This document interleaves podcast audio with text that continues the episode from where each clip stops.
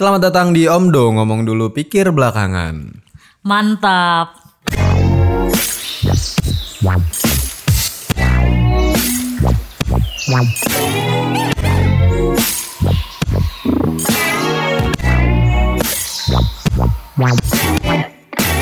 Ya gua Ari J dan Lydia, Lydia. kita akan ngomongin soal kenakalan remaja. Karena ya itu terlihat di sekitar kita dan pasti kita pernah mengalaminya walaupun tidak menjalankannya. Iya pak. Tapi terus kayak kalau misalnya sekarang tuh ngelihat remaja-remaja nakalnya udah sampai kayak di luar di luar nalar. Kayak kok bisa? Nakal apa kriminal? nakal menuju kriminal. Mungkin nakalnya udah nggak kriminalnya. Kriminal sekarang.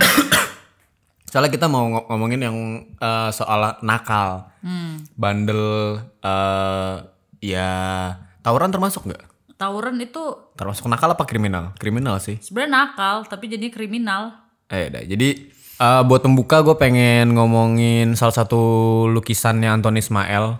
Ini ini konsep eh, apa ya? Konsep cerita yang dia buat menggambarkan kenakalan remaja. Judulnya Keluar Tumbuh Liar. Idih. Widih, Dari judulnya udah keren ya. keluar tumbuh liar Yoi. Jadi dia bikin kayak kolase gede banget gitu. Tadinya kan dia suka bikin kolase di buku-buku kecil. Nah, salah satunya itu yang judulnya Keluar Tumbuh Liar itu dijadiin gede banget. 5 meter apa nggak salah. Di atas papan besi. Isinya tuh gambar soal eh foto soal anak SMA tawuran pakai baju SMA gitu yang dilempar tuh bunga.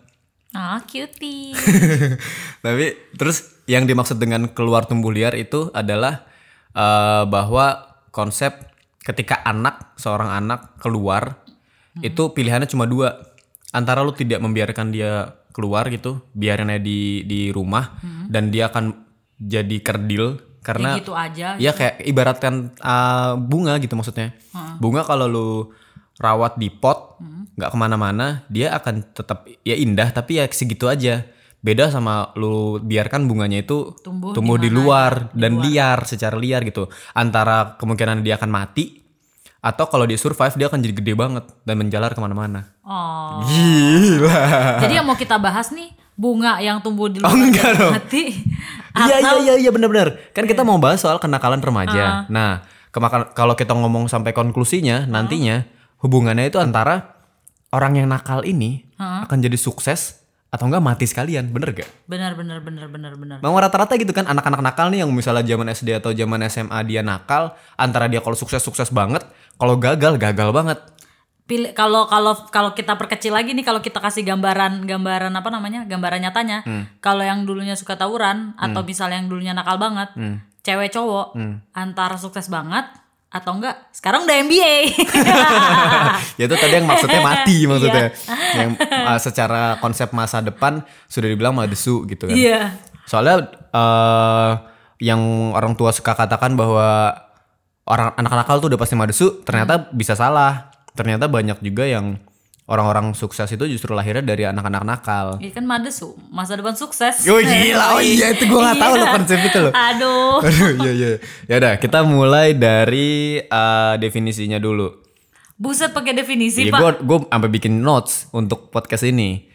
Eh, bukan definisi deng, lebih kepada kita membedah kenapa anak-anak ini tuh banyak yang nakal. Mm-mm. Kan ini kita ngomongin lewat pengalaman yang kita pernah temukan kan. Kalau zaman gua dulu itu biasanya anak nakal itu sebenarnya udah kelihatan dari zaman dia SD. Jadi jarang gue temukan eh, SMA misalnya ke- ketemu sama anak yang pen- pentolan gitu. Tapi di SMP-nya dia belum atau di SD-nya dia belum. Rata-rata tuh dari SD tuh udah mulai kelihatan. udah mulai kelihatan mana yang wah, Iya. kayak bacot nih calon-calon digebukin gitu Iya. Antara calon digebukin atau enggak calon ngegebukin. Aha. Yang udah mulai kayak Potensinya sering kelihatan. potensinya kelihatan. Misalnya eh, zaman SD itu kan celana nggak boleh lewatin dengkul. Iya. Nah anak-anak ini udah mulai yang digombrongin lewatin dengkul, baju dikeluarin, udah kelihatan tuh. Iya, iya. Biasa itu kan fase tobat itu kan masih nanti, masih zaman kuliah. Kalau katakanlah amit-amit misalnya orang tuanya ada yang meninggal biasanya ya. Iya. Yang gue temukan ya, orang tuanya ada yang meninggal terus dia kepepet akhirnya jadi tobat. Biasanya pas kuliah atau enggak pas lulus kuliah sudah baru mulai kerja. Fase tobat tuh ada di situ rata-rata. Dan ini dari SD sampai SMA itu tuh proses pembentukan tuh pembi- pembibitan si si anak ini si bunga liar ini nih bunga liar kayak gitu sih gue ngeliatnya Kalau kalau gue jujur aja gini, kalau ngomongin soal anak nakal ya, Kenapa kenapa nakal gitu? kenapa nakal? Sebenarnya eh, kalau misalnya di rumah, gue termasuk anak yang kalau di rumah tuh nurut. Mungkin gue masih tetap bisa bukan ngelawan ngejawab orang tua gue ketika mereka nanya gitu.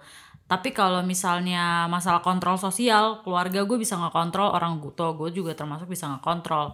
Tapi buat beberapa guru di sekolah, mungkin mereka bisa ada beberapa guru yang mengkategorikan gue sebagai anak nakal. Karena ya itu tadi dia punya ukuran misalnya gue nggak mau disiplin jadi kayak kayak gitu. Cuma ada beberapa anak yang gue ketemuin kasusnya sama kayak gue, tapi lebih parah pak nakalnya, narkoba. Jadi kayak bahkan nakal narkobanya itu eh, keluarganya kalau gue lihat mereka itu anak-anak yang datang dari keluarga yang tidak ada masalah justru. Bahkan keluarganya ada yang eh, orang tuanya ada yang eh, pemuka agama gitu, bagian dari situ ibunya, bapaknya, Oh iya, terus so- soalnya ada teori yang bilang kalau anak nakal itu biasanya lahir dari keluarga yang berantakan gitu ya. Iya kan ada teori-teori Hmm. kayak gitu. Kenyataannya justru yang gue lihat nggak kayak gitu. Kebanyakan gue punya teman teman-teman dekat gue beberapa ada yang broken home tapi mereka baik-baik aja. Hmm. Malah orang nggak tahu kalau mereka datang dari keluarga yang seperti itu. Sampai akhirnya gue tahu ternyata oh sama ini eh, dulu pernah gue ngobrol sama beberapa anak mahasiswa dari Jawa UGM. Mereka cerita soal pengalaman nakalnya mereka di apa hukum. Temanya waktu itu soal orang tua. Terus pas gue lihat ternyata anak-anak nih rata-rata jadi nakal eh, atau orang bisa jadi nakal dan menyimpang Ba- kebanyakan tuh karena pressure yang mereka dapatkan kayak gitu entah pressure-nya tuh ada yang dari keluarga dari lingkungan terus dari teman-teman yang sebenarnya kalau misalnya dilihat mereka tuh sebetulnya nggak nakal nggak nggak apa ya bukan nggak nakal maksudnya sebenarnya mereka nggak mau gitu tapi itu tadi karena ada tuntutan-tuntutan terus mereka nggak bisa penuhi akhirnya udah memilih untuk kayak ah elah gue lawan aja lah nih orang gue nggak mau jadi apa yang mereka mau gitu Oke oke oke oke oke. Tipikal anak nakal yang pernah lu temui yang kayak gimana aja? yang pernah gue temui Nah, ini kita ngomongin SD ke eh, SMA aja dulu ya. Oke, kalau kalau gue sendiri ya eh, nakal yang gue temuin di sekolah dulu tuh termasuk gue masih yang Oh lu udah karet. diri lu sendiri tuh iya, anak nakal? gue gak menebak diri Ih, gue anak nakal, cuma gue kalau mikir dulu Kayaknya lu ada di komu- komunal itu ya? Enggak, gue kalau mikir gue nggak gue nggak berkerumun dengan anak-anak nakal, Hmm. tapi gue pernah nakal, gue pernah bandel. Terus gue kalau mikir nih sekarang kayak, kok dulu gue begitu? Hmm. Dulu nih gue kayak makan permen karet, gue tempel di bangku temen gue, atau misal Oh, eh, lu di bukan nakal rambut. itu jahil namanya. Eh, ngeselin sih lebih tepatnya ya, ngeselin. Terus habis itu guru gue ngomong terus gue kayak lu lu lu kayak gitu gitulah gangguin dia. Cuma kalau misal orang lain yang gue temuin em, nakalnya itu oh ada waktu gue SD. Oh sorry gue SMA pak. Lu juga tahu nih namanya nih ya. Disensor aja ya. Iya. Nih namanya. Oh, Oh, iya. ya. Dia tahu kan lo. Youtuber kan? Iya. Kebetulan gue satu sekolah dulu sama Oh, dia. iya, iya. Sebenarnya kalau untuk masalah pelajaran tuh nggak ada, nggak ada apa-apa. Iya. Dia juga nggak bandel. Eh, gue nggak tahu ini masuknya nakal apa enggak. Tiba-tiba guru gue lagi nyuruh apa, guru gue rese. Terus dia tiba-tiba bilang, Bapak udah jangan marahin saya, saya punya penyakit mental. Dia bilangnya kayak Mental gitu. illness. Iya pokoknya salah satu penyakit berarti mental. dia termasuk anak India dari zaman dulu udah mulai mental illness. Iya, terus gue nggak tahu, gue kira itu dulu cacar air atau apa gitu, penyakit apa ya. Soalnya nama penyakit mental ini tuh itulah gitu. Terus gua, Apaan, bipolar? tadi? Iya itu tadi. Aduh. Kan gue gak mau nyebutin. Kayak ntar kalau dia beneran gue gimana? Ya nggak apa-apa juga. Terus zaman itu ah solar. Sakit solar apa? Terus habis itu ya udah. Tapi dia nggak nakal. Oh enggak, itu buat kejadian itu dia nakal. Ternyata dia ngomong kayak gitu karena dia mau pulang cepet. Dia mau ikut acara aksi youtuber ngapain? Berarti kenakalannya adalah kebohongan lah ya. Iya kebohongan, menurut gua. Bohongan. Maksud gua kalau oke, lu beneran oke. sakit, Penggelapan uang lu lu pernah temukan nggak praktek oh praktek? saya Karena ngelakuin itu.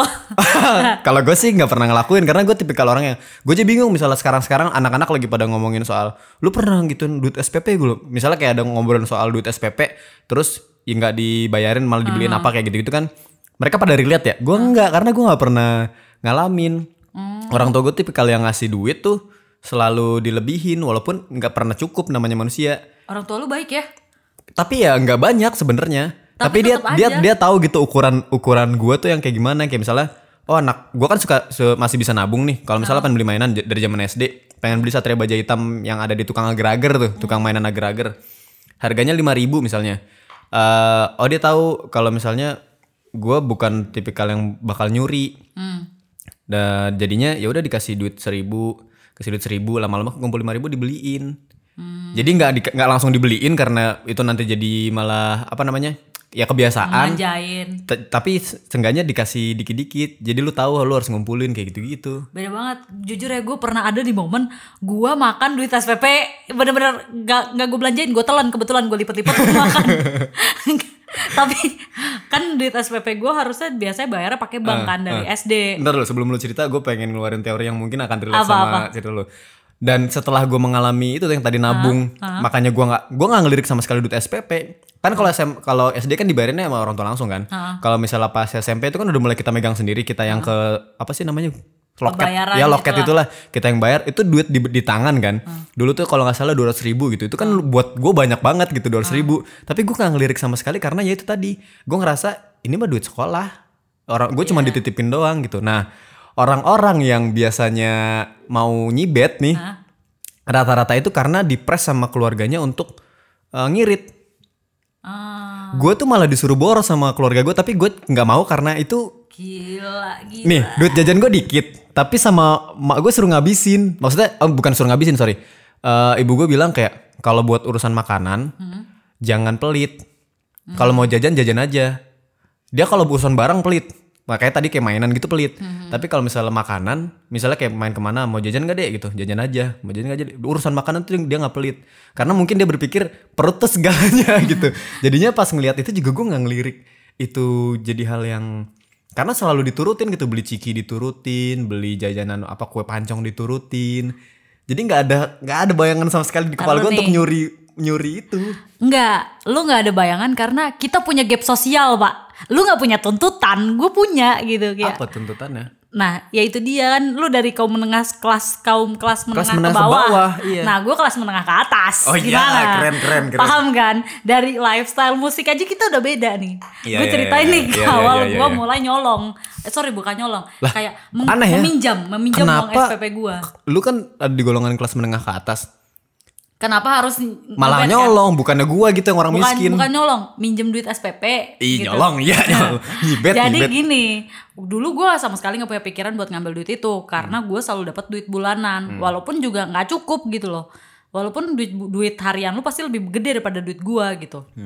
Cuma dulu udah zaman zaman nonton konser. Lu gue jamin zaman nonton sekolah gak pernah nonton konser band internasional kan? Lah gua nonton film pertama aja kelas 1 SMA Nah, ini ada kaitannya nih dengan kenakalan gue yang terus berlanjut. Gue eh, waktu SMP itu udah no- udah udah suka banget nonton band-band, band-band band-band luar. Idih, Dulu tuh yang paling ngehits zaman gue SMP ke SMA, pokoknya zaman gue SMP itu Westlife Westlife. Bukan maksudnya promotor Jamrut, tuh Java Java Rockin Land. oh Java Rockin Land ya. Punyanya Adri Subono, Java Musikindo sorry, dia Java Musikindo. Terus nama sering Java Rockin Land Nama eventnya ada Java Rockin Land, Java Jazz, Jakarta Jam, banyak banget. Nah, gue inget banget konser pertama yang gue gue mau datengin itu konsernya Sarah Bareilles. Ada tiga hari di Jakarta Jam, Sarah Bareilles, Hey Monday sama eh, Rocket to the Moon. Mereka itu tiga itu aja nggak ada yang gue tahu sampai sekarang Ya pokoknya tiga itulah. oh, eh, sorry sorry, Bring Me the Horizon, Bring Me the Bring Me the Horizon, gue lupa mana yang duluan. Nah itu gue masih tahu lah dikit. Sampai akhirnya gue nggak tahu nih gue beli nih tiket gimana caranya. Gue lihat kan tiketnya tuh harganya sekitar lim, mm, katakan nggak sampai sejuta tapi mungkin 600 ribu ya. Terus gue mikir dari mana gue bisa dapetin duit segini? Gue mikir Tuhan kasihlah saya petunjuk gitu. Sama Tuhan dikasih jawaban duit SPP pakailah uang ini gitu. Oke. Nah terus nih ada kenakalan kedua nih yang gue gue lakukan pas gue mau beli tiketnya yang paling pertama mereka minta adalah KTP gue nggak punya KTP lu tau apa yang gue lakukan? Memalsukan KTP Ini keren. Emang lu mafia mafiaan gitu udah dari dulu ya? parah pak. Zaman dulu tuh yang namanya malsuin KTP tuh eh, apa namanya kalau lu mau nonton konser rata-rata anak-anaknya banyak yang malsuin KTP bahkan banyak anak SMA yang oh soalnya malsuin KTP zaman dulu juga masih kertas. Iya, masih mudah kertas. untuk dipalsukan. Dan dulu tuh tukang-tukang fotokopi tuh mau bantuin kita untuk berbuat dosa seperti itu kayak ya udah gampang saya aja yang buatin gitu. Gila dulu gue dosa banget ya. terus ya tapi gue ganti sih. Kebetulan pas gue SMP gue anak basket anak popda. Dulu zamannya Pak Wahidin Alim masih suka tuh kelar lu Kasih- latihan dikasih duit, Terus lu 500 gantiin ribu. berarti beneran minjem ya bukan nyibet. beneran minjem. Gue pernah deng apa sekali seumur hidup gue nyuri duit orang tua. jangan bilang habis itu lo nangis Enggak, diomelin, ketahuan, masih kecil banget ini, masih SD kalau nggak salah. Hmm. Jadi ya sebenarnya cuma buat beli ciki, cuma buat jajan, tapi terus-terusan gara-gara gue tahu di situ ada duit. Jadi ba- ibu gue tuh selalu naro duit receh buat pengamen. Sebenarnya buat pengamen atau pengamis yang ke rumah. Kan rumah gue di perkampungan gitu kan.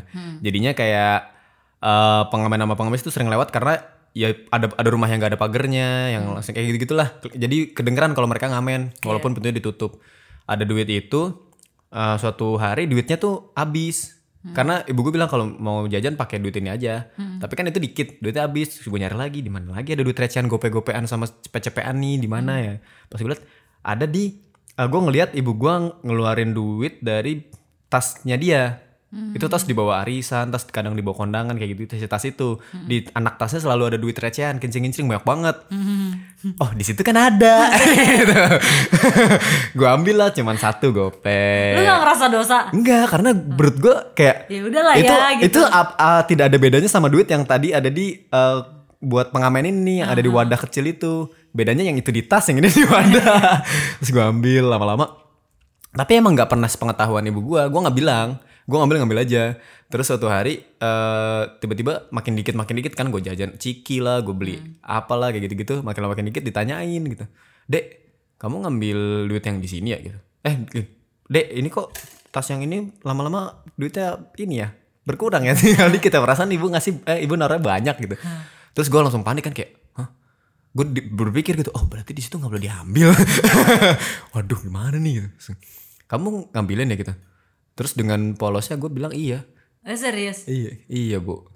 Hmm udah cara main langsung nggak boleh ini tuh gini. Kalau papa tuh bilang kalau mau itu tuh bilang gitu. Udah kapok gue Ma- trauma masa kecil jadi. Eh tapi cerita kayak lo gue juga punya lagi. Tapi ini sedih pak. Ini gue nakalnya banget. Lu ratusan juta ya? Enggak enggak ini beda. Ini bahkan enggak enggak gede nominalnya. Jadi dulu keluarga gue tuh sempat ada momen di mana eh, jatuh miskin lah kayak di film-film hidayah gitu sampai gue harus pindah sekolah pak. Terus waktu gue pindah ke sekolah negeri gue ngeliat teman-teman gue teman-teman gue tuh pada ini pada jajan-jajan. Wah kayak wah mereka jajan. Terus pas gue tanya mereka dapat duit.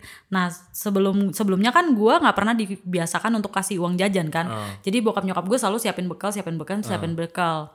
Terus ya udah gue bilang kan gue juga pengen jajan nih gue pengen tahu gimana sih rasanya megang duit sendiri gitu akhirnya gue minta sama nyokap nyokap gue bilang nggak ada duitnya nggak cukup. Oh ya udah deh gitu kan. Terus tapi gue mikir anjir masa gue nggak bawa duit sih ke sekolah? Gue iseng nih buka tasnya emak gue ini sedih banget sih pas gue buka tasnya cuma ada seribu. Gue liat dompetnya cuma bener-bener cuma punya seribu. Dan lu tahu apa yang gue lakukan? Gue ambil. Anjir anak durhaka. gue ambil tuh duit emak gue kayak tinggal seribu-seribunya seribu diambil seribunya lagi. gue ambil gue udah kayak gini. Terus saat itu ya dalam hati gue gue ngerasa kayak anjing nih kayak gue salah deh ngambil Hmm. duit emak gue tapi kayak ah bodoh amat lah intinya kan gue bisa jajan Hmm. gitu tes sisri dan segala yang menyam- yang menimbulkan penyakit tipes aku datang Iya. kayak gitu terus ya udah terus nyokap gue nganterin tuh gue ke sekolah kan jauh 2 kilometer jauh terus habis itu eh, udah selesai gue duduk nyokap gue pulang pas nyokap gue pulang kan berdoa tuh semua kayak pada doa gitu terus pada pada Bismillah kayak gitu gitu pas gue nunduk gue gua di dalam kepala gue saat itu gue ngebayangin nyokap gue pulang jalan sendirian aus terus duitnya ada di kantong gue gue kayak anjing lah gue jahat banget. Kayak itu gue kelas kelas 5 apa kelas 6 gitu. Gue langsung bangun masih lagi baru masuk nih mau doa masuk kelas. Gue langsung ngambil tas gue gue lari. Terus guru gue manggil gue kan Lydia ngapain kamu pulang? Gue nggak peduli gue lari. Oh sebelumnya gue sempet bilang fuck you guys. Gak, gak. Mungkin dong. belum tahu gue artinya fuck you apaan. Terus kayak gue gue nggak peduli mereka gue lari. Terus gue lari kenceng. Terus gue ngeliat nyokap gue lagi jalan. Ternyata dan lo harus tahu yang paling sedih apa, nyokap gue pas jalan jalan sendiri tuh dia lagi nangis pak jalan sendirian. Gimana nggak gara-gara- jadi gue nggak tahu. Oh, tapi ya itu gara-gara gue jatuh miskin. Tapi ya udah itu cuma sa waktu Terus itu doang. lu balikin gak? apa ya? Gue balikin. Bilangnya Gua- apa? gue bilang "Ma, maaf tadi aku ngambil duit di dompet kata nyokap gue oh nggak apa-apa kok gitu ya udah terus kayak gue saat itu gue ngerasa gue gue orang paling berdosa di bumi gitu.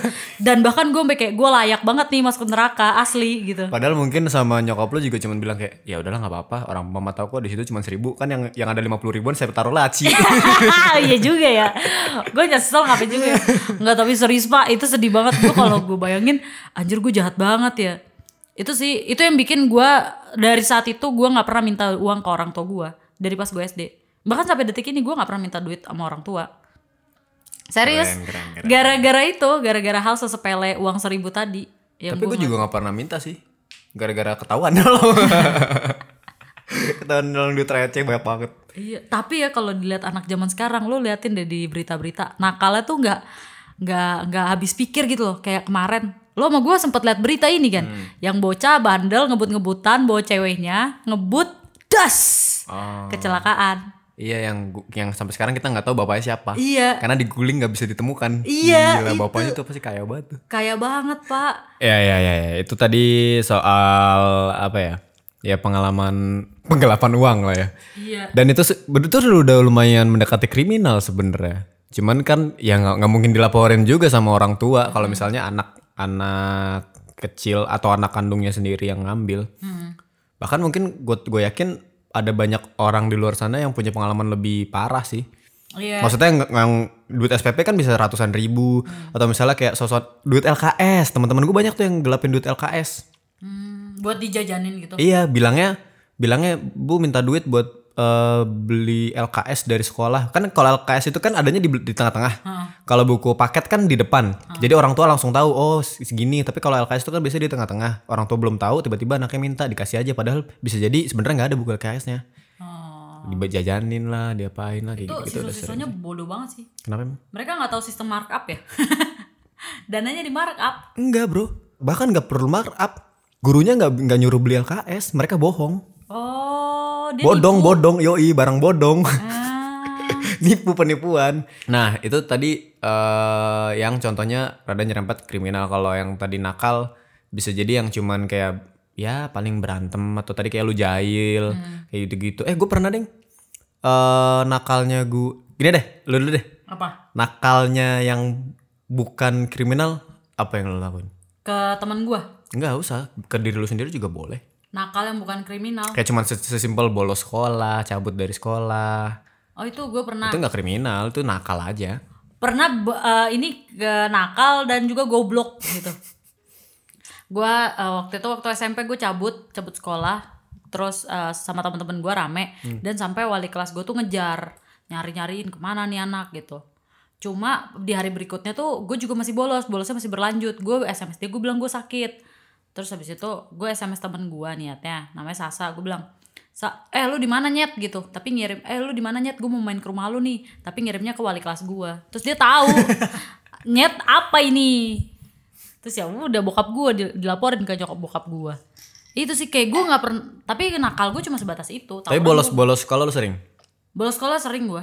Dan kebetulan bokap gue tahu. Dan bokap gue nggak pernah marah. Hmm, Gua- soalnya gue pinter iya iya iya. kayak gitu. Gue bodoh soalnya jadi kalau bolos tuh diomelin. Tapi gue nggak pernah ketahuan ketahuan nggak tau ya gue gue bodoh nih mata pelajaran. Tapi dari dulu licik dan jarang pernah ketahuannya sekali kalinya ketahuan cuma itu doang yang yang sama orang tua nyolong. Tapi kenakalan kenakalan yang lain nggak pernah ketahuan. Kayak misalnya bu- cabut buat main warnet. Zaman dulu kan sering main warnet tuh. Main gunbone lu tau gunbone gak? Nggak tahu gue Ragnarok tau. Ragnarok tahu Eh, Sian tau Sian tahu Eh, apalagi habis itu ya? Banyak lah pangnya kayak gitu-gitu. Gue gue kayak zaman warnet banget lah ya. Warnet banget. Gue tipikal anak culun yang eh, yang di mana teman-temannya udah pada main motor ke bengkel trek-trekan. Ada yang misalnya ke mall. Jadi ada tipikal nakal nakal gaul nakal kriminal. Sama gue nih nakal culun. Nakal warnet. Nakal warnet. Cuman main warnet sampai malam paket 5 jam lah. Terus kayak duit jajan habis buat uh, beli beli ID bukan zaman dulu ada beli voucher ID, voucher iya, beli voucher beli ID beli barang kayak gitu-gitu paling satu lagi ini sih waktu gue SMA itu pertama kalinya gue kenal sama minuman haram SMA SMA Gila telat banget gue SD. Beda kan beda kelas. Iya. Gue kan masa kita mau mundur lagi nih. Gue aja iya, pertama iya. kali nyentuh komputer aja SMP. Beda Iya, bener, sosial bener, bener, bener. sosialnya beda. Gue pertama kali kenal sama uh, minuman keras itu baru pas SMA. Hmm. Gue kan teman-teman gue pada ngerokok kan. Gue enggak kayak "Hmm, baunya aja gue nggak suka gitu. Hmm. Akhirnya biar nakal ya gitu. Oh ada minuman haram gitu. Gua gua cobalah tanya temen gua kayak beli beli Amer kan waktu itu. Beli Amer tuh di mana sih? Ada nih di tukang ini deket rumah gue. Ini kebetulan teman gue nih nggak bandel nggak nakal, tapi nongkrongnya sama anak-anak kampung. Boplay boplay yang suka no, abang-abang boplay yang suka nongkrong. Jadi dia tahu beli itu di mana gitu. Eh beli yuk cobain yuk, ayo cobain. Belilah kita suatu saat beli seplastik gitu. Waktu itu harganya masih 12.000 ribu apa 14 ribu gitu. Amer sama HP. Nah terus ya udah minum oh ini rasanya gitu. Oh ya udah terus pusing ya pusing pusing. Tapi singkat cerita ya begitu doang aja sebenarnya. nah nakalnya gue pernah bawa HP itu ke sekolah.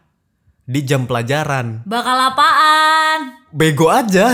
Kayak gak ya udah kayak misalnya eh, waktu itu gue bawa AP inget banget di botol aqua. Jadi beli AP sisa kan karena eh, waktu itu kita lebih doyan yang Amer. AP-nya sisa banyak.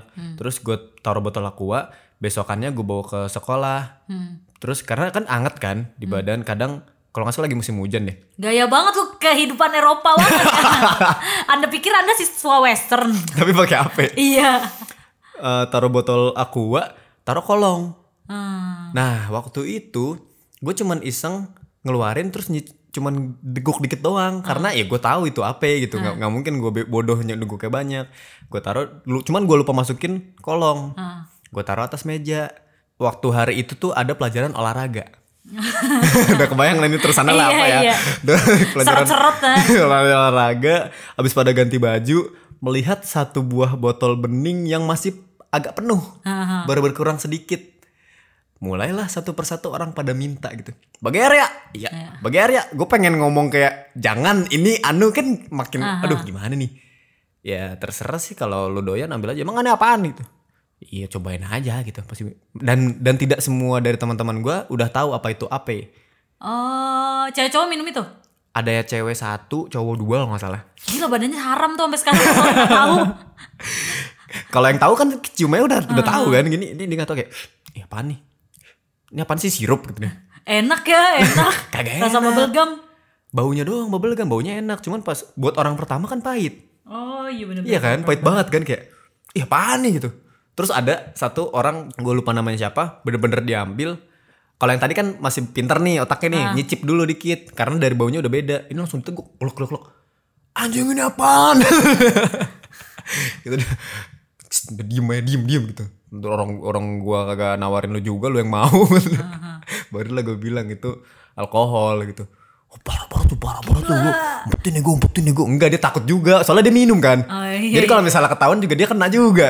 Kamu badannya udah pada haram ya semua. itu doang sih paling gue kenakalan remaja mah. Nggak banyak. Gue tawuran aja. Lu tawuran pernah ikut? Gak pernah gue. gue pernah ikut tawuran. Tapi, tapi, paling belakang pasti. enggak. Apaan? Paling depan. justru gue paling depan tapi pas berangkat doang Oh pas mau berantemnya lu minggir, gue melipir. sebelum sampai lokasi gue belok kiri itu ada warung buka baju biar biar nggak ada seragamnya terus gue nongkrong di warung itu biarinnya teman-teman gue tawuran Kalau gue, kalau ngomongin soal apa tadi alkohol, justru datangnya pengenalannya dari keluarga. Kayak, wah gue gak ngerti ya. Kok keluarga gue yang ngajarin. Jadi waktu gue SD kelas 3 itu semua keluarga pada pada liburan ke Bali kan. Jadi kebetulan di Bali tuh ada rumah, rumah bersama gitu, rumah bersama keluarga bokap. Lagi pas liburan di sana makanlah apa kayak iga, iga gitu gede. Terus minumnya itu waktu itu semua dipesenin bir. Dan di situ anak kecil ada gua, sepupu gua, ada sekitar dua orang, bertiga lah gua sama sepupu gua. Terus dikasih bir minumnya, terus kita kayak apaan nih? Kita kan pengennya Coca-Cola gitu. Aku mau Coca-Cola, Sprite, Fanta gitu. Dikasih, "Oh, udah itu minum aja kata bokap gue gitu kan. Pas gue coba, bir sih sebenarnya bir bintang. Pas minum, aduh pahit banget rasanya, tapi it's good man. ya udah dari situ gue keterusan minum alkohol. Tapi justru gara-gara kayak gitu, gue nggak pernah kayak teman-teman gue ataupun kayak lo tadi eh, pas begitu ada alkohol minum barengan teman, gue nggak pernah. Justru gue gara-gara udah udah minum di dalam rumah itu udah biasa, maksudnya minum alkohol di rumah gue tuh udah sebuah hal yang biasa aja gitu. Jadi ketika gue keluar, gue nggak ada tuh kepengenan untuk minum alkohol. Makanya gue nggak pernah misalnya kayak teman-teman gue pada ngajakin, ayo mabuk rame-rame gini-gini. Gue paling cuma ngeliatin doang. Bahkan ketertarik aja enggak gitu. Kayak nggak nggak pengen aja. Karena ada temen gue, gue punya cerita nih. Nih nih bandelnya tuh kayak bandel yang nggak pakai otak gitu.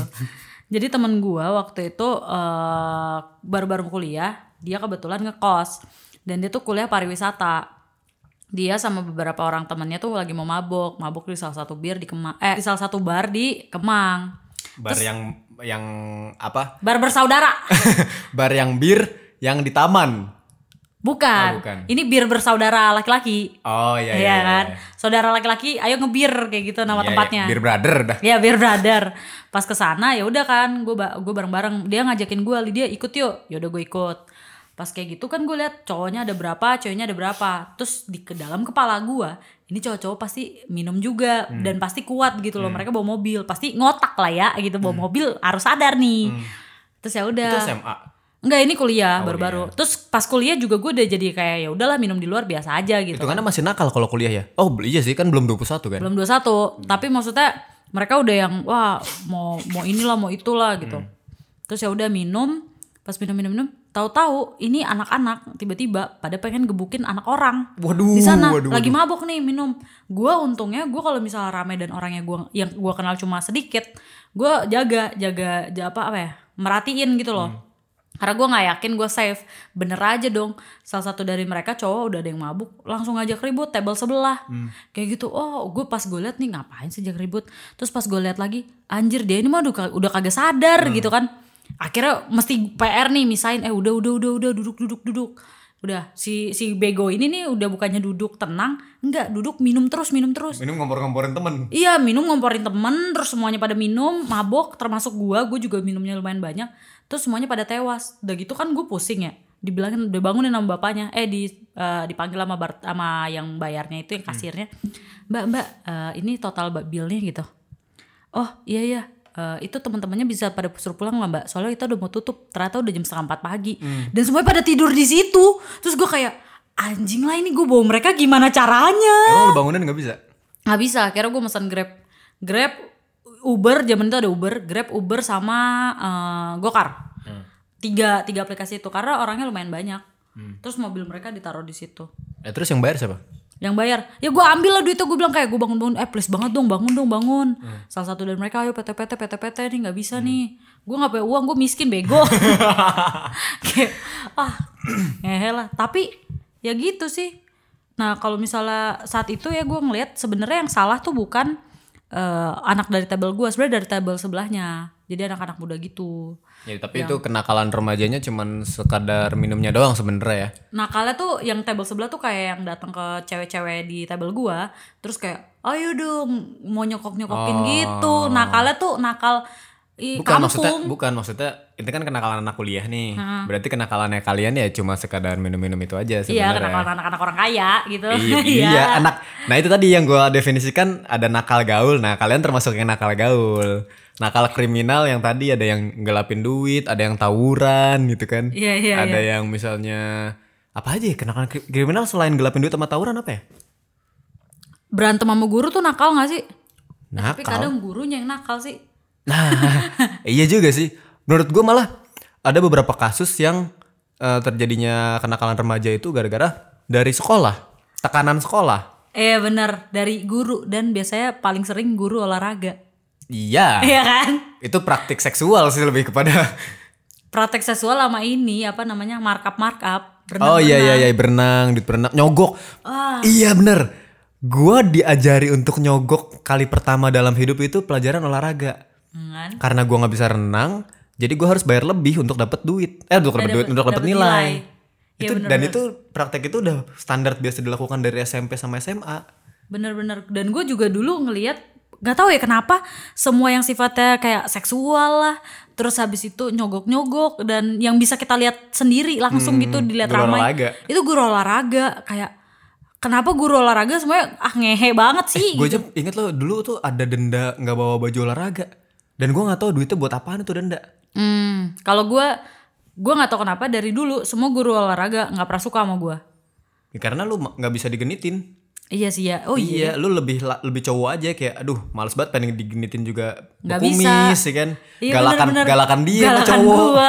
Terus tapi guru olahraga gua, semua guru olahraga, kecuali guru olahraga SD, SMP, SMA, mereka nggak berani sama gua, tapi mereka nggak bisa mm, ngasih nilai jelek ke gua karena gua atlet. Iya, iya. Ya, lu, lu udah kali-kali bang- membanggakan keatletan lu itu loh. Ya iya jelas, makanya kayak, "Hey, semua guru olahraga yang dulu pernah ngajar gue, jadi apa lo sekarang? Masih jadi guru olahraga kan? Gila jahat banget gue." Apalagi ya kalau yang eh, kenakalan kriminal. Itu Pak yang kita non kita baca beritanya. Apa? yang mereka pada ber- mereka pada ngebut-ngebutan di jalan anak orang kaya sama ceweknya ngebut-ngebutan Emang dia masih kuliah? itu jatuhnya dia masih kuliah Ya Allah. terus ngebut-ngebutan kecelakaan ceweknya sampai nggak bisa jalan Tapi kan itu punya SIM. ya tetap aja itu kan nakal ngapain iya sih. ngebutan di jalan gitu Iya. ngebut mah di bom bom kar aja Dari zaman dulu sebenernya lu kalau gua kan karena gua nggak punya motor ya, jadi gua nggak ikutan. Tapi sebenarnya teman-teman gua udah mulai banyak yang kayak gitu dari zaman dulu. Bedanya secara strata sosial mainannya masih motor bebek. Kalau ini kan mobil sport. iya iya Ya kan mobil sport. Yang ngoprek juga bukan dia, tangan Iya, dia iya. mah nggak bawa oli sama sekali. montir Montir. Gue punya Montir punya daddy. Yoi. Tinggal telepon kalau mau gue. Kalau ini enggak yang masih mainan. Dulu tuh zaman gue SMA, motor tuh retro. retro Yoi, motor bebek nih pakai spion bulat, eh, diceperin, bannya harus jari-jari, terus kecil, terus ya udah mereka Hmm. sering nongkrong-nongkrong aja gitu atau enggak kebut-kebutan pakai itu. kalau kalau gue zaman gue dulu jadi sepeda gue gue taruh gelas Tau Itu nggak? mah biar bukan- bunyi gereng gereng itu bukan nakal soalnya tidak mengganggu siapa pun. Habis gue gak punya sepeda, eh gue gak punya motor, ya sepeda Tapi gue juga juga ngalamin kalau yang sepeda itu mah taruh gelas kan? ngetril ngetril pakai gelas. Iya, kalau eh, tar, lu pernah nakal di bulan puasa nggak? Bulan puasa tuh biasanya setan-setan suka ada yang nggak kekunci. Apa maksudnya? Bener nih, maksudnya apa? nakal di bulan puasa. Ya eh, batal puasa mah sering. Gue pernah, ini ini lucu, tapi gue tahu kok gue jahat banget ya. Jadi di dekat masjid, di dekat Oh, gue pernah. pernah kan? Nakal puasa gue ya perang sarung sama perang petasan.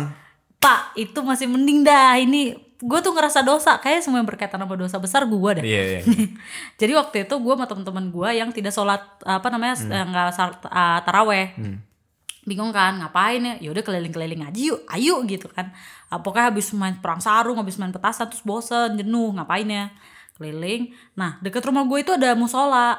Nah di musolanya itu tuh apa atapnya tuh pakai seng, seng gitu. Nah ngeliat kan, wah lagi pada sholat nih. Kita duduk pinggir-pinggiran gitu dari samping musola ngeliatin orang pada sholat. Terus ada tercetus ide, kan ada bunyi bunyi apa ya jatuh terus kayak itu seng, dibunyi seng gitu. Kita mikir di dalam itu oh te- eh, apa namanya gentengnya dari seng ya. Kalau kena bunyi sih kayaknya. Terus gua sama teman-teman gua berlima iseng banget ada ide ngelemparin batu ke atas sengnya. Tapi nunggu imamnya kayak gini, Allah kayak gitu. Apa namanya nih? Hah? Iya mulai sholat. Mau sujud lagi mulai sholat gitu kan. Pas dia lagi kayak gitu, pas mau eh pas mau berdiri mau sujud, kita lempar ke atas das gitu. Apa namanya? Kerikil. Kerikil ke atas eh, seng situ. Terus imamnya Yang gini. lu- yang lu lemparin tuh ini maksudnya rumah orang apa musola? Musolanya, Ya atap Allah. atap musola, rame-rame berlima. Itu udah bukan nakal sih itu dosa. Iya, mana yang jadi imamnya tuh, yang jadi imamnya tuh bokapnya temen gua yang ikut ngelemparin batu. Terus Lah kenapa, kenapa dia nggak dipaksa sholat sama bokap ya? kagak tahu bapaknya Lu mungkin. umur berapa emang? Itu gua kapan? Kalau masih ya? kecil wajar sih. SMP. Itu udah SMP. gede sih. SMP gue inget banget. Masjidnya di Barata kebetulan. Musola di Barata. Terus habis itu pas dia lagi kayak gini, bapaknya lagi mau sholat gitu, pas dari sujud mau bangun, terus habis itu kita lemparin, terus bapaknya kaget kan bunyi, Allah Akbar, Allah Akbar, semuanya juga pada kaget, kita lari, tahu-tahu ya gitulah, tahu-tahu gue di ini omel sama bapak gue. Ya iyalah. Tapi untung zaman itu belum ada tuh apa gosip-gosip penistaan. Kalau udah udah sih iya lu kayak- kena lu. Lu kena penistaan agama Iya, lu. gue berlima, shit banget lah. Lu sama kayak itu or- ormas-ormas yang suka bakar gereja. iya iya, aduh kok Cuman kalau ini lu, ya. lu lu lu malah lebih parah karena yang lu ganggu mayoritas. Iya makanya nih, kok kok gua bisa setara ya. Aduh maafkan saya buat bapak teman saya waktu Tapi itu lu jadi perang imam. sarung berarti ikut juga. Ikut lah. Emang lu tahu teknik perang sarung? Sarungnya diiket ujungnya terus gebukin kan. Nah, Kalau nggak teknik ngikat sarungnya tahu gak? Kagak tahu gue. Ada bro. Eh pakai nada ini. Tet teret tet tet teret, tet, tet. Ini adalah eh, tutorial untuk anak nakal. Kayak sekarang tapi udah udah dilarang sih. Apanya? Karena banyak yang celaka. Kalau zaman dulu tuh celaka tuh kayak lecet-lecet tuh biasa nggak dilaporin. Kalau sekarang dilaporin ya? Sekarang tuh dilaporin. Maksudnya kayak ngadu lah ntar malah jadi bapak ibunya yang berantem bukannya anaknya. Padahal dulu mah dulu seru sih perang sarung tuh. Nakal tapi ya seru kayak kita abis sholat raweh kan buru-buru tuh. Bodo amat witir witir witir tuh yang sholat sunnah setelahnya. Witir ntar aja lah kagak usah gitu. Di rumah aja padahal di rumah juga enggak. Cabut langsung cabut buru-buru. Ya udah sarungnya di jadi ujungnya tuh harus tipis. Jadi nge- me- kayak bentuk rucut. Dari bawah tuh bonggol tebel ujungnya tuh tipis. Nah di ujungnya diiketin batu Itu jahat banget sih. Ya memang. Jahat banget sih. Ya memang ya awalnya sih cuma lucu-lucuan nih, cuman bondol gede biasa doang. Pak alu alu ah, pak bales, pak lari bales gitu doang lama-lama dendam kan Serius? karena karena ada yang satu sakit anjing sakit lagi kena gua, gua balas. Tak sakit gue balas gue cari gimana caranya biar bisa lebih sakit lagi lebih sakit lagi sampai dari mulai yang cuman masuk apa ngelancipin uji, eh, ujung yang diselepetnya bu, udah bukan dipukul tapi diselepet gitu selepetak gitu kan dilempar terus ditarik lagi biar biar nyelepet Eh, terus diisi batu, abis itu evolve lagi sampai perang petasan. Nah, ini yang bikin akhirnya sekarang dilarang gara-gara yang awalnya cuma pakai petasan korek, yang kalau kena tangan paling cuman memar doang atau enggak melepuh doang. Sampai pakai petasan jangwe. Jangwe itu yang cuing, dar, cuing. Tapi diarahin ke orang. cuing, dar, cuing, dar. Petasan kupu-kupu apa yang dilempar. Air mancur pun pernah dilempar. Kan kayak bom TNT kan air mancur kan. Dinyalain terus pas udah pengen nyala, lempar. Sumpah, sumpah itu kriminal sih. ada yang kasus ya makanya kan banyak kasus tangannya apa putus apa namanya jari putus. Gara-gara misalnya misalnya lempar-lempar petasan nih. Petasan apa yang biasanya ke- pernah bikin jari putus tuh eh mirip petasan korek tapi tebel. Ap- apalah. Pokoknya segede segede jempol petasannya. Jempol gajah tapi beneran gede banget gitu terus ya udah dilempar kan belum meledak kan biasanya dilempar lagi maksudnya tujuannya biar melem- dia meledaknya di tempat lawan gitu dilempar lempar lagi lempar lagi nah pas pengen lempar lagi kena tangan biasanya terus si putus lah tangan kena itu kan sebenarnya kayak bom tapi versi kecil kan Iya, iya benar-benar. Gila, tapi gue nggak ada sih yang sampai kayak gitu-gitu. Paling pernah soalnya kurang kampung kan kita beda strata sosial Enggak, tapi gue pernah main apa namanya main eh, temen gue main petasan waktu kecil. Terus kaki gue kena. Nah ini kaki gue sampai kayak gini nih gara-gara petasan. Itu kapalan Eh, iya sampai nggak sembuh sembuh. Dan itu tuh dari gue TK. kayak ah, anjir lah sedih banget. anak sekarang kalau nakal ngapain ya Nah itu dia gara-gara gue tuh sekarang kalau kita kan dari tadi kan nakalnya masih seputaran yang kayak Anak-anak. ya iya ini nakal anak-anak terus kayak kalau mau dipites orang tua juga bisa gitu loh Iya, kayak iya. kayak lu tadi main selepet-selepetan gue tadi ngelempar bat ngerikil ke masjid gitu itu masih bisa tuh buat digampar sama orang tua kalau anak sekarang tuh enggak nakalnya misalnya transaksi judi online itu kan kayak anjir tuh gimana Iya orang tua nginstal Facebooknya masih bingung Iya, anaknya udah kayak gitu. Terus habis itu nyolong duit orang tua buat beli vape. Terus Oh iya vape anjing sih anjir vape nih dulu awal-awal vape keluar iya, iya. harganya kan bisa sejuta dua juta kan. Nah, terus gue sering banget ngelihat anak-anak SMA itu beli Nge-vape. itu. Terus pas Duit ada- dari mana gitu kan? Eh, iya ada beberapa anak SMA yang gue kenal gue tanya dong eh lu beli kayak gituan dari mana? Duit harganya berapa? Terus dia bilang "Eh, satu juta 1,5 kayak gitu. Oh pokoknya udah semuanya udah kapas udah apa-apa gitu. 1,5 oh gitu. Dapet duit dari mana? Hehehe. Terus ada temannya bilang ngambil duit orang tua gitu dalam hati gue anjir gue pengen ngambil duit orang tua SD seribu lu 1,5 kayak wow Iya sih, iya setuju gue. Vape tuh salah satu eh, mainan anak-anak. Walaupun sebenarnya bukan mainan, cuman Iya. dianggap sebagai mainan anak-anak gaul dan harganya mahal, jadi memaksa oh, si anak-anak ini untuk, akhirnya beli. nyolong. Untuk nyolong. Karena nggak mungkin minta juga, Pak. eh, ada mau ini Ngerokok mau elektrik. bukan biasanya kan mau jajan kan kalau zaman dulu kan gue paling minta gue nggak pernah minta sih tapi katakanlah misalnya teman gue minta paling buat beli apa sih kayak eh sepatu Piero paling. Atau enggak misalnya kayak beli mainan action figure mungkin kalau anak-anak orang kaya suka beli action figure Hot Wheels zaman dulu Hot Wheels kayak gitu-gitu. Kalau dia pengen minta vape kan nggak mungkin ya? Bu eh, aku mau beli ini nih mainan. Oh apa tuh? Eh, itu yang ngebul-ngebul itu loh. Ngebul-ngebul apa? Ini eh, rokok Popeye rokok Popeye. Bukan bu vape vape gitu mati lah lu pasti lu Iya. ketahuan ngerokok. Tapi sama ini ada lagi kenakalan anak sekarang yang gue tahu dari SMP sampai SMA anak sekarang ya. Itu mereka sebar-sebaran foto bokep, foto bokep temennya sendiri. Itu nggak masuk Oh, iya, akal iya. sih buat gue.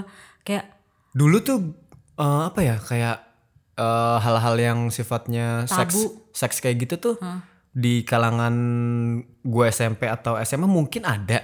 Tapi nggak pernah kecium sampai bener-bener jadi hal yang wajar. ah, Karena paling cuman satu atau dua Hmm. yang kita cuman cuman isu doang bahkan gua nggak pernah tahu uh, kegiatannya itu di mana dan ngapain gua nggak pernah tahu tapi cuman itu tuh situ pernah ngiwi sama itu pernah gitu doang Hmm. Iya, bener-bener iya. cuma sebatas gosip itu doang dan kebetulan dan bisa aja itu nggak pernah terjadi iya gitu kan. bisa aja itu nggak pernah terjadi gitu kalau sekarang tuh bener-bener kayak lu Terjadi. lihat lu lihat aja di Twitter atau di mana gitu uh, source bokep itu banyak banget anak SMP Iya iya. anak SMA masih pakai baju seragam ada yang baju olahraga kayak anjing gua apal banget ya. Lu nyarinya itu semua ya.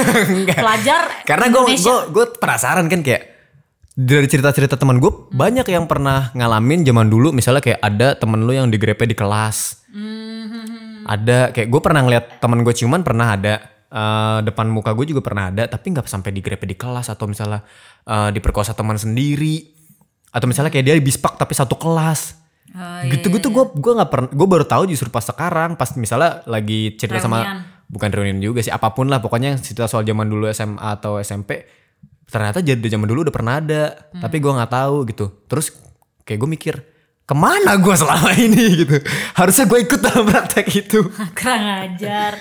Tapi kalau kalau anak SMA zaman sekarang atau anak-anak kecil zaman sekarang lah SD, SMP, SMA, gue nggak nemuin mereka nakal yang versi lari-lari di hujan diomelin sama emaknya atau misalnya kayak tadi main petasan, main apa gitu. Gue nggak nemuin itu. Gue lebih ngelihat mereka interaksi ke dunia mayanya digital ya lebih lebih lebih banyak gitu. Terus bentuk nakal yang paling menurut gua sekarang sepele nih. Kita juga sering lakuin itu. Tapi ini nakal nih apa komen komen di sosmed. Bullying. Ih bullying sosmed apa komen di sosmed? Itu kayak oh netizen. bahasa zaman sekarang tuh persekusi. Asik. Iya kayak gue bingung anak-anak SD dikasih anak-anak SMP mereka komen misalnya eh, misalnya lu pernah nggak? Nih gue pernah ya gue pengalaman gue pribadi. Di akun sosmed gue sendiri tiba-tiba di Instagram ada yang komen. Ada yang komen tuh ngomonginnya soal eh, pokoknya gue nggak suka lah nih kalimatnya. Pas gue lihat ternyata dia masih SMP pak. Kayak anjir nih anak gimana Gi- kayak itu nakal menurut gua ya ngeluarin kalimat-kalimat kayak gitu Tapi kalau yang urusannya soal sikap itu kan sikap ya. Cara lu bersikap di lingkungan walaupun itu dunia maya gitu ya. Itu salah orang tua sih. Kalau gua. iya ken- kenapa anaknya dikasih teknologi gitu Bukan. Maksudnya teknologi. Anaknya nggak dikasih pagar untuk mana yang urusan lu, mana yang bukan urusan lu. iya betul Karena uru, apa ya kayak komentar kayak gitu tuh biasanya lahirnya dari ibunya yang suka ngomongin uh, tetangga atau atau orang tuanya yang suka ngomongin saudaranya dan itu nurun ke anak. Anaknya Anaknya juga memperlakukan itu ke temennya atau misalnya orang yang dia tidak kenal tapi dia bisa akses. Iya, Kayak seolah-olah dia ngeliat kesalahan maka gue harus komentar sama kayak orang tua gue lakukan. Mereka komentarin siapa, mereka komentarin siapa, maka gue juga harus mengomentari orang lain gitu. iya iya benar benar benar Tad- bener kata lu tadi yang soal anak sekarang nakalnya lebih kepada teknologi. Eh tapi lu pernah tahu teman lu ada yang carding nggak? carding itu apa sih Eh, pakai kartu kredit orang. Eh, Nyolong pakai kartu kredit orang. Eh sorry beli barang tapi pakai kredit yang bukan punya lu. gua pernahnya gua yang digituin kalau teman gua gua nggak Oh tahu jangan-jangan lu digituin tapi kenanya sama teman gua. Nggak, gue di gue oh iya ya benar juga ya gitu tiba-tiba kartu kredit gue ada yang belanjain padahal gue nggak pernah pakai gitu sampai 9 juta pak itu gue gue gue nggak tahu tapi teman-teman gue sejauh ini nggak ada sih yang kayak gitu itu da- zaman dulu gua main kan gua mainnya di warnet ya. Jadi eh kayak percepatan teknologi ada di situ tuh. Gua yang tadinya gaptek begitu gue sering main di warnet gue jadi kenal banyak teknologi termasuk sih carding. Dari yang mulai kayak belajar cheating, gue sih nggak gue nggak ngelakuin, tapi gue pernah ngelihat praktek itu kayak gimana di warnet. Jadi bener-bener yang kayak dia dia pesan barang dari dan ini anak-anak SMA. Anjir gila. Dan buat gue waktu itu keren gitu walaupun ternyata oh ini anjing ini mah kriminal bangsat. Tapi buat gue itu keren. Jadi dia dia eh, gua tahu itu aplikasinya apaan ngutang-ngutang kayak gitu. Kan biasa kan dia sengaja melakukan itu di warnet karena ya biar IP-nya nggak IP-nya ada iya. ada. dia nggak login apa pun. Maksudnya bener-bener cuman datang langsung buka itu. Terus ala-ala satu tabnya itu tab mainan. Tapi nggak login dia. Nggak login di situ. Terus habis itu dia buka Amazon atau apa gitu bu website dari luar lah pokoknya. Dia beli eBay. Amazon deh kayaknya. Amazon terus dia beli buku sama eh apa ya? CD, CD apa apa gitu tapi banyak. CD CD original gitulah tapi banyak. Terus gue tanya kan apa namanya? Kayak eh, ini beli barang di gini nyampe nya kapan bang? Gue nggak tahu kalau dia carding. Enggak ini mah cuman gue buat jual lagi kok kata dia. lah terus kenapa? Oh gue pikir kayak anak SMA jual lagi barang pengusaha apa gimana nih gitu kan? Gue gak ngerti kan. Terus pas gue liat-liat kayak wih pasukan kartu kredit jumlahnya banyak banget. Jumlah dolarnya tuh kayak nolnya tiga gitu. Iya iya iya. buat buat buat zaman dulu kan gede ya kayak wah duitnya banyak banget nih orang gitu.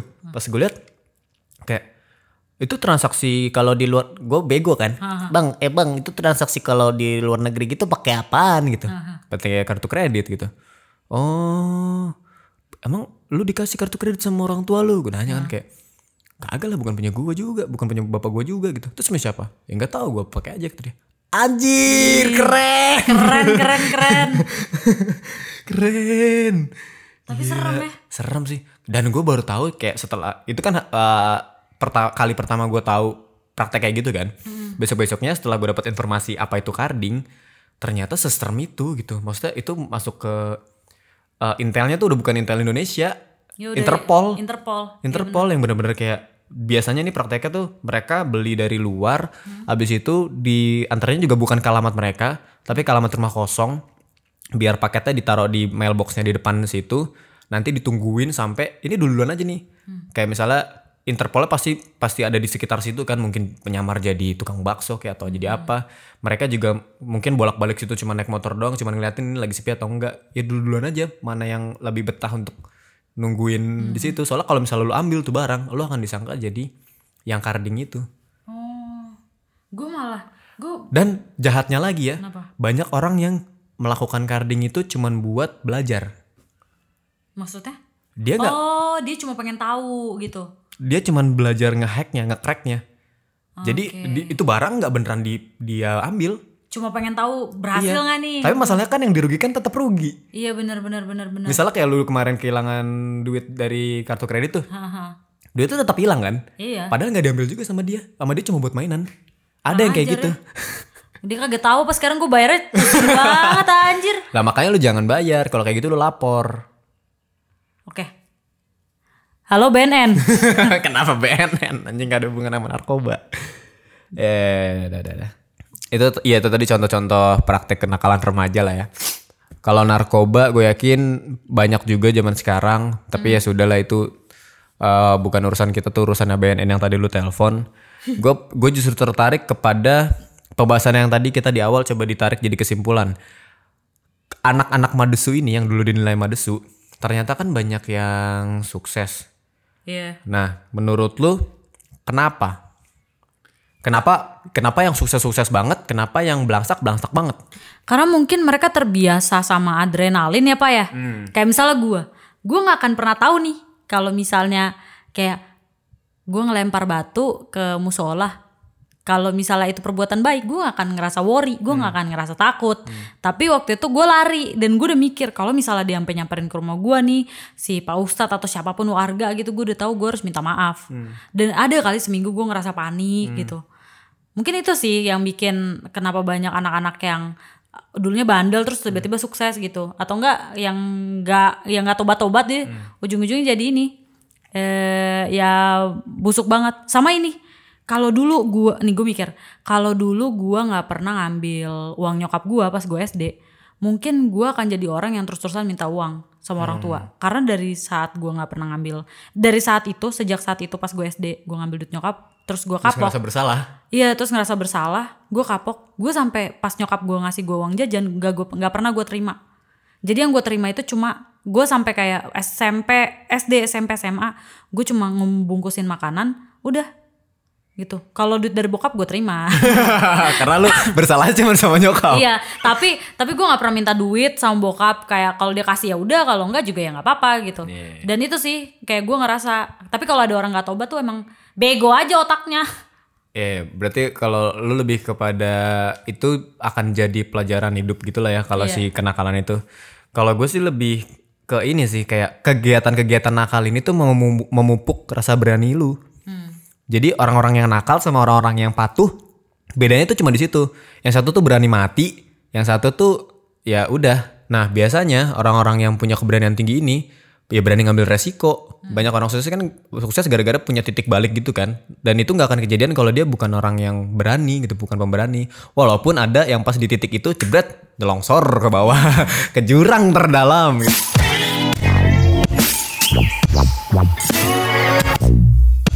Wow wow wow